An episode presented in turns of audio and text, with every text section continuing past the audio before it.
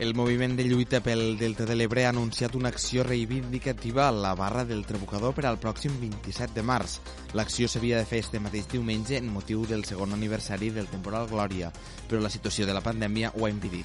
En esta ocasió, la intenció del molde és dibuixar un gran SOS, el signe internacional d'ajuda, amb la participació de centenars de persones i alertar de la situació crítica en què es troba el Delta dos anys després del temporal Glòria. Jordi Bertomeu és el portaveu de Molde. És fer viral i present la problemàtica que patim i, per tant, pressionar les institucions competents que calen accions urgents tant al Trabucador com a altres moltes zones del Delta. Voldríem adreçar-nos directament a la ciutadania. El Delta està en una situació molt crítica i ha arribat l'hora de mobilitzar-nos, d'unir-nos, de sortir al carrer i de demostrar la nostra força. L'acció del molde també vol denunciar que, malgrat encara no han rebut resposta a les al·legacions presentades al Pla de Protecció del Delta de l'Ebre, el Ministeri ha començat a tirar endavant la nova delimitació de la línia marítimo-terrestre amb un encàrrec a l'empresa Traxadec, que ja hauria començat a treballar sobre el terreny. Esta és la segona acció de protesta que farà el molde. La primera va consistir en una cadena humana a la badia del Fangar el passat mes de setembre. La setmana passada van coincidir a Deltebre dos actuacions policials que van permetre decomissar gairebé 3 tones d'aixís.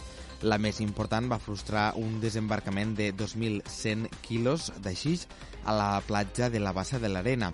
El primer operatiu va tenir lloc la matinada de dilluns a dimarts de la setmana passada i el desembarcament s'anava a produir a la zona de la platja de la Bassa de l'Arena, però seguidament el seguiment policial va detectar la presència de la llanxa al mar va frustrar el desembarcament d'un total de 2.100 quilos de xix.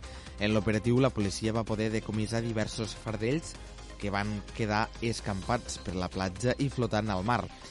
L'embarcació, des d'on des d'on es van poder fer el desembarcament, va poder fugir i posteriorment els Mossos van localitzar a dos individus presumptament vinculats amb el desembarcament que van ser detinguts i han passat a disposició judicial. En este cas, la Guàrdia Civil dirigeix la investigació que continua oberta.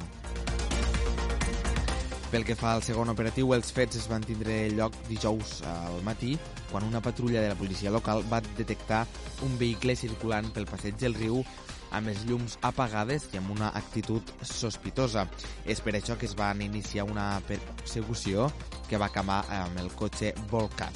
A l'interior del vehicle, la policia va localitzar 21 fardells de xix que contenien 784 quilos de droga i el conductor va ser detingut.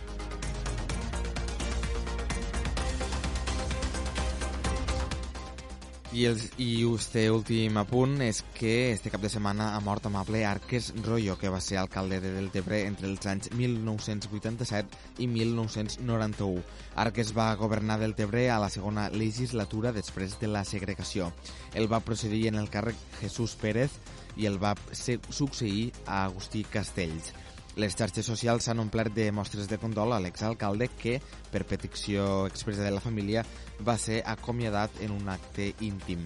Jordi Gilabert, professor d'Història i que va formar part del govern independent d'Amable, ha assegurat que amb el seu esforç Amable va ajudar a consolidar el municipi de Deltebre i a recuperar una convivència que estava feta malbé.